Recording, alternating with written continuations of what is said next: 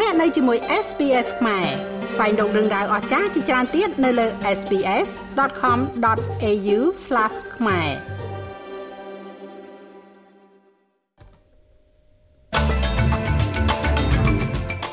ផលិតផលក្នុងស្រុកសរុបរបស់អូស្ត្រាលីបានកើនឡើង5.9%និងមានវត្តមានកងទ័ពអាមេរិកច្រើនជាងមុននៅក្នុងប្រទេសអូស្ត្រាលី។ ប្រទេសចិនបានជំរុញឲ្យអូស្ត្រាលីកាត់ផ្តាច់ទំនាក់ទំនងផ្លូវការជាមួយកោះតៃវ៉ាន់ខណៈដែលសមាជិកសភាអូស្ត្រាលីទៅធ្វើទស្សនកិច្ចនៅលើកោះនោះ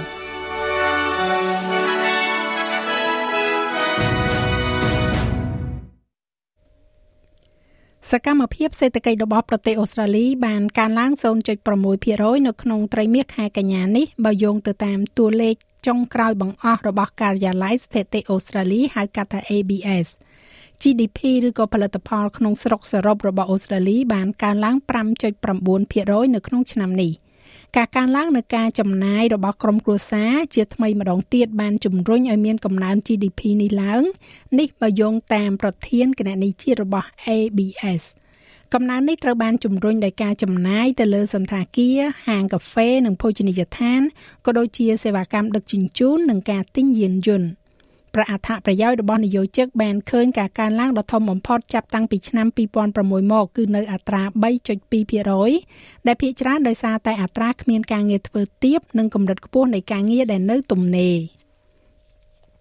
មន្ត្រីផ្លូវការរបស់អូស្ត្រាលីនិងសហរដ្ឋអាមេរិកបានប្រកាសថានឹងមានវត្តមានកងទ័ពជើងទឹកនិងកងទ័ពអាមេរិកកាន់តែច្រើននៅក្នុងប្រទេសអូស្ត្រាលី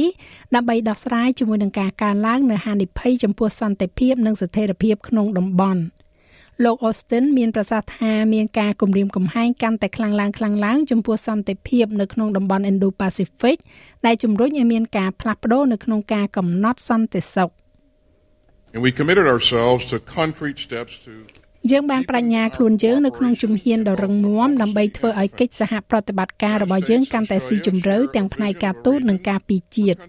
សហរដ្ឋអាមេរិកនិងអូស្ត្រាលីចែករំលែកទស្សនវិស័យនៅក្នុងតំបន់ដែលប្រទេសនានាអាចកំណត់អនាគតរបស់ពួកគេបាន ជាអកុសលចក្ខុវិស័យនោះកំពុងតែជួបនៅបញ្ហាប្រឈមនៅថ្ងៃនេះ សកម្មភាពដ៏គ្រោះថ្នាក់នឹងការបង្ខិតបង្ខំរបស់ចិននៅទូទាំង Indo-Pacific រួមទាំងជុំវិញកោះតៃវ៉ាន់ឆ្ពោះទៅកាន់បណ្ដាប្រទេសនៅកោះ Pacific និងនៅសមុទ្រចិនខាងកើតនិងខាងត្បូងគំរាមកំហែងដល់សន្តិភាពនិងស្ថិរភាពក្នុងតំបន់លោកស្រីវងក៏និយាយផងដែរថាជំហររបស់អូស្ត្រាលីចំពោះតៃវ៉ាន់មិនបានផ្លាស់ប្ដូរនោះទេ We collectively have have a strong stake in យើងអូស្ត្រាលីនិងអាមេរិកគឺរួមចិត្តគ្នាមានចំណែកដ៏រឹងមាំនៅក្នុងការរក្សាសន្តិភាពនិងស្ថិរភាពនៅទូទាំងច្រកសមុទ្រតៃវ៉ាន់ហើយអូស្ត្រាលីបានបង្ហាញនៅទស្សនៈរបស់ខ្លួនយ៉ាងច្បាស់អំពីសារៈសំខាន់ដែលថាมันមានការផ្លាស់ប្ដូរឯកតោភាគីចំពោះស្ថានភាពបច្ចុប្បន្នហើយយើងឲ្យតម្លៃទំនាក់ទំនងក្រៅផ្លូវការដ៏យូរអង្វែងរបស់យើងជាមួយនឹងតៃវ៉ាន់ដែលគ្រប់គ្រងដោយចំណងវប្បធម៌សេដ្ឋកិច្ចនិងរវាងប្រជាជននិងប្រជាជន។ សូមបញ្ជាក់ថាអូស្ត្រាលីប្រកាន់ខ្ជាប់នូវគោលនយោបាយចិនតែមួយដែលមានន័យថាអូស្ត្រាលីមិនទទួលស្គាល់តាមការទូតថាតៃវ៉ាន់គឺជាប្រទេសមួយនោះទេប៉ុន្តែរក្សាទំនាក់ទំនងក្រៅផ្លូវការដែលលើកកម្ពស់ផលប្រយោជន៍សេដ្ឋកិច្ចពាណិជ្ជកម្មនិងវប្បធម៌ក្នុងពេលជាមួយគ្នានេះរដ្ឋមន្ត្រីក្រសួងការពារជាតិលោក Richard Marles មានប្រសាសន៍ថាលោកនឹងស្វែងរកកិច្ចសហប្រតិបត្តិការខាងផ្នែកការពារជាតិ កាន់តែប្រសើរឡើងជាមួយនឹងប្រទេសជប៉ុនក្នុងកិច្ចប្រជុំរបស់លោកជាមួយរដ្ឋមន្ត្រីការបរទេសជប៉ុននិងរដ្ឋមន្ត្រីការពារជាតិជប៉ុននៅក្នុងសប្តាហ៍នេះលោកនិយាយថាជប៉ុននិងអូស្ត្រាលីមានទំនាក់ទំនងពាណិជ្ជកម្មរឹងមាំនិងទំនាក់ទំនងសន្តិសុខហើយវានឹងត្រូវបានពង្រឹងឡើង បន្ទាប់ពីកិច្ចប្រជុំខាងមុខ We face uh, a world in which the strategic environment យើងប្រឈមមុខនឹងពិភពលោកដែលបរិយាកាសយុទ្ធសាស្ត្រមានភាពស្មុគស្មាញនិងមិនច្បាស់លាស់ដោយនៅចំណុចណាមួយចាប់តាំងពីសង្គ្រាមលោកលើកទី2យើងកំពុងធ្វើនេះអំពីទស្សនៈនៃការផ្ដល់តុល្យភាពនៅក្នុងតំបន់របស់យើងប្រទេសចិនបានជំរុញឲ្យអូស្ត្រាលីកាត់ផ្តាច់ទំនាក់ទំនងផ្លូវការជាមួយនឹងកោះតៃវ៉ាន់ខណៈដែលក្រុមសមាជិកសភាអូស្ត្រាលីទាំងពីរបក ទៅធ្វើទស្សនកិច្ចនៅលើកោះដែលគ្រប់គ្រងដោយខ្លួនឯងនេះក្រសួងការបរទេសតៃវ៉ាន់និយាយថាខ្លួននឹងមិនបង្ហាញព័ត៌មានលម្អិតអំពីដំណើរទស្សនកិច្ចរបស់គណៈប្រតិភូនេះទេ ជាសញ្ញានៃការជឿទុកចិត្តគ្នាទៅវិញទៅមកហើយអ្នកនាំពាក្យក្រសួងគឺលោកស្រី Joanne Wu មានប្រសាសន៍ថាកម្មវិធីនៃដំណើរទស្សនកិច្ចរបស់ក្រុមនេះនឹងមិនត្រូវបានបង្ហាញឡើយជាសញ្ញានៃការទុកចិត្តគ្នាទៅវិញទៅមកលោកស្រីនិយាយទៀតថាគណៈប្រតិភូនេះនឹងពិភាក្សាគ្នាយ៉ាងទូលំទូលាយអំពីបញ្ហាផលប្រយោជន៍ទៅវិញទៅមកលោកនាយករដ្ឋមន្ត្រី Anthony Albanese បានបន្ធូរបន្ថយដំណើរនេះដោយនិយាយថាវាត្រូវបានរៀបចំឡើងដោយសមាជិកសភាជួរក្រោយហើយមិនរាប់បញ្ចូលរដ្ឋមន្ត្រីជាន់ខ្ពស់របស់រដ្ឋាភិបាលនោះទេ អ្នកនាំពាក្យក្រសួងការបរទេសចិនលោកម៉ៅនីងមានប្រសាសន៍ថាដំណើររបស់សមាជិកសភាអូស្ត្រាលីនេះបញ្ជូននៅសញ្ញាខុសហើយលោកបានជំរុញឲ្យអូស្ត្រាលីគោរព台湾是中国领土不可分割的一部分。 តៃវ៉ាន់គឺជាផ្នែកដែលមិនអាចកាត់ផ្តាច់បាននៃទឹកដីរបស់ប្រទេសចិន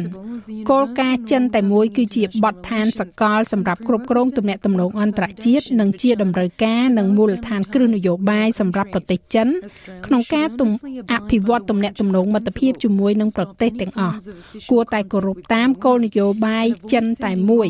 បញ្ឈប់រាល់ទម្រង់នៃទំនាក់ទំនងផ្លូវការជាមួយនឹងតៃវ៉ាន់និងជៀសវាងការបញ្ជូនសញ្ញាខុសទៅកងកម្លាំងឯករាជ្យតៃវ៉ាន់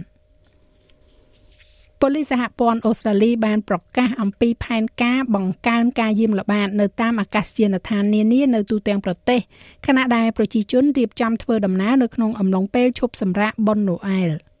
ការយាមល្បាតបន្ថែមនេះនឹងត្រូវពង្រាយតាមអាកាសយានដ្ឋានក្នុងរាជធានីមួយចំនួននីមួយៗក៏ដូចជានៅ Gold Coast និង Cairns ផងដែរ។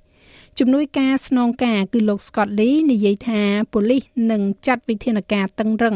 ប្រឆាំងទៅនឹងជនណាម្នាក់ដែលប្រព្រឹត្តមិនសមរម្យលោកនិយាយទៀតថា AFP បានឆ្លើយតបរួចហើយចំពោះឧបទ្ទហេតុដែលមានជាតិអាកុលជាង800ករណីនៅឆ្នាំនេះដោយមានមនុស្ស330នាក់ត្រូវបានចោទប្រកាន់ពីបទរំខាន Certainly from our perspective we keep we are ប្រកាសណាស់តាមទស្សនៈរបស់យើងយើងចង់ធានាឲ្យបានថាប្រជាជនមានសុវត្ថិភាពប៉ុន្តែយើងនឹងអត់ធ្មត់ចំពោះជនណាម្នាក់ហើយដែលស្រវឹងបញ្ចេញអកប្បកិរិយាអាក្រក់ឆេវឆាវចំពោះបុគ្គលិកឬក៏មនុស្សដទៃទៀតនៅក្នុងបរិយាកាសអាកាសយានដ្ឋាននោះទេមិនថានៅក្នុងប្រលានយន្តហោះឬក៏នៅលើយន្តហោះឡើយ។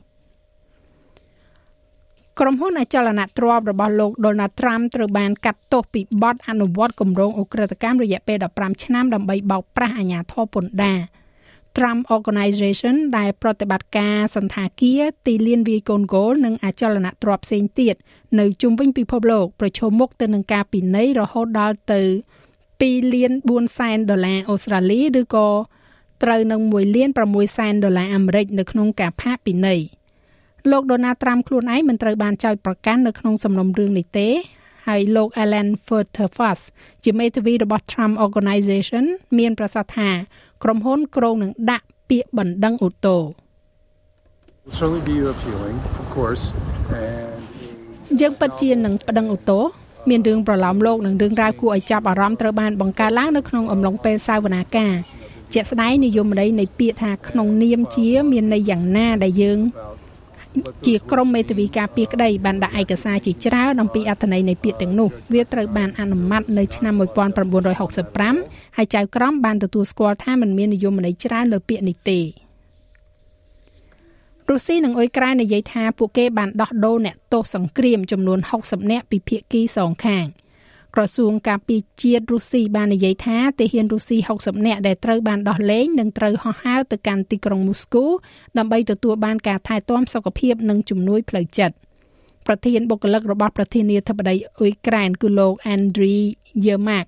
បានសាទរចំពោះជនជាតិអ៊ុយក្រែនដែលវិលត្រឡប់មកវិញថាជាវីរៈបុរសហើយនិយាយថាពួកគេដែលរាប់បញ្ចូលទាំងមនុស្សរាប់សិបនាក់ដែលបានកាន់កាប់នៅទីក្រុង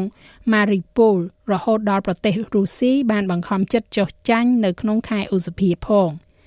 វាកើតឡើងនៅពេលដែលមន្ត្រីរុស្ស៊ីបានស្ដីបន្ទោសអ៊ុយក្រែនចំពោះការវាយប្រហារដោយយន្តហោះគ្មានមនុស្សបើកឬហៅថា drone ជាលើកទី3មកលើទឹកដីរបស់ខ្លួន។ ការវាយប្រហារចុងក្រោយនេះបានធ្វើឲ្យឆេះធុងស្តុកប្រេងនៅមូលដ្ឋានទ័ពអាកាសមួយចម្ងាយ280គីឡូម៉ែត្រពីព្រំដែនអ៊ុយក្រែនគ្មានអ្នករងរបួសឬក៏ស្លាប់ត្រូវបានគេរាយការណ៍ឡើយហើយអ៊ុយក្រែនមិនបានអះអាងទទួលខុសត្រូវដោយផ្ទាល់ចំពោះការវាយប្រហារណាមួយក្នុងចំណោមការវាយប្រហារទាំង3នេះនោះទេនៅប្រទេសកម្ពុជាការប្រឡងបាក់ឌុបរយៈពេល2ថ្ងៃគឺបានបិទបញ្ចប់ហើយកាលពីម្សិលមិញ ដោយបេក្ខជនអវត្តមាន2400នាក់និងមានបញ្ហាសុខភាព70នាក់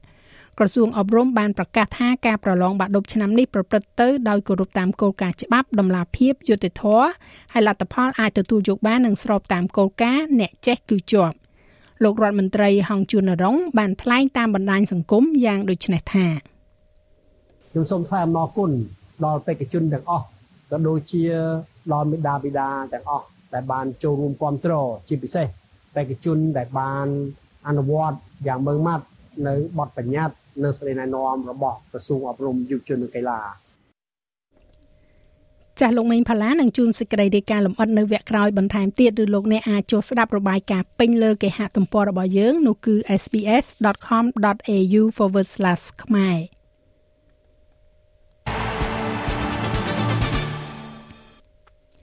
ការប្រកួតសម្រាប់ចូលទៅវគ្គ1ភាគ4ផ្ដាច់ព្រាត់នៅ World Cup ត្រូវបានបញ្ចប់ទៅបន្ទាប់ពីជ័យជំនះបានទៅលើក្រុមប៉ូទុយហ្គាល់និងម៉ារ៉ុក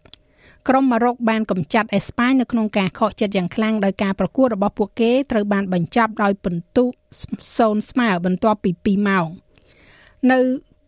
ទីបំផុតម៉ារ៉ុកបានយកឈ្នះ3ទល់នឹង0ដោយគ្រាប់បាល់ពេណាល់ទីដើម្បីកក់កៅអីវគ្គ1ភាគ4ផ្ដាច់ព្រាត់នៃការប្រកួតបាល់ទាត់ពិភពលោកជាលើកដំបូងរបស់ពួកគេ។ អ្នកគាំទ្រជនជាតិម៉ារ៉ុកម្នាក់នេះនិយាយថានាងនៅតែស្រឡាំងកាំងចំពោះអ្វីដែលបានកើតឡើង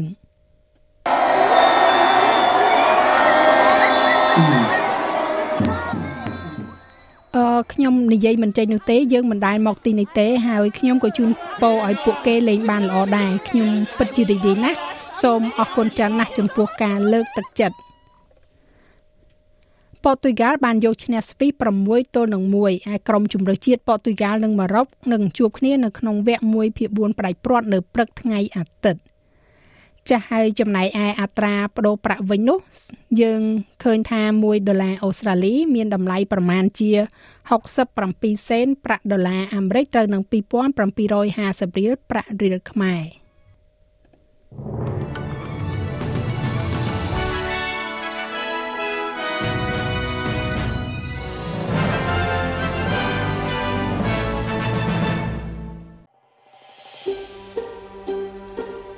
ង់ស្ដាប់រឿងក្រៅបែបនេះបន្ថែមទៀតទេ ស្ដាប់នៅលើ Apple Podcast Google Podcast Spotify ឬកម្មវិធីដទៃទៀតដែលលោកអ្នកមាន។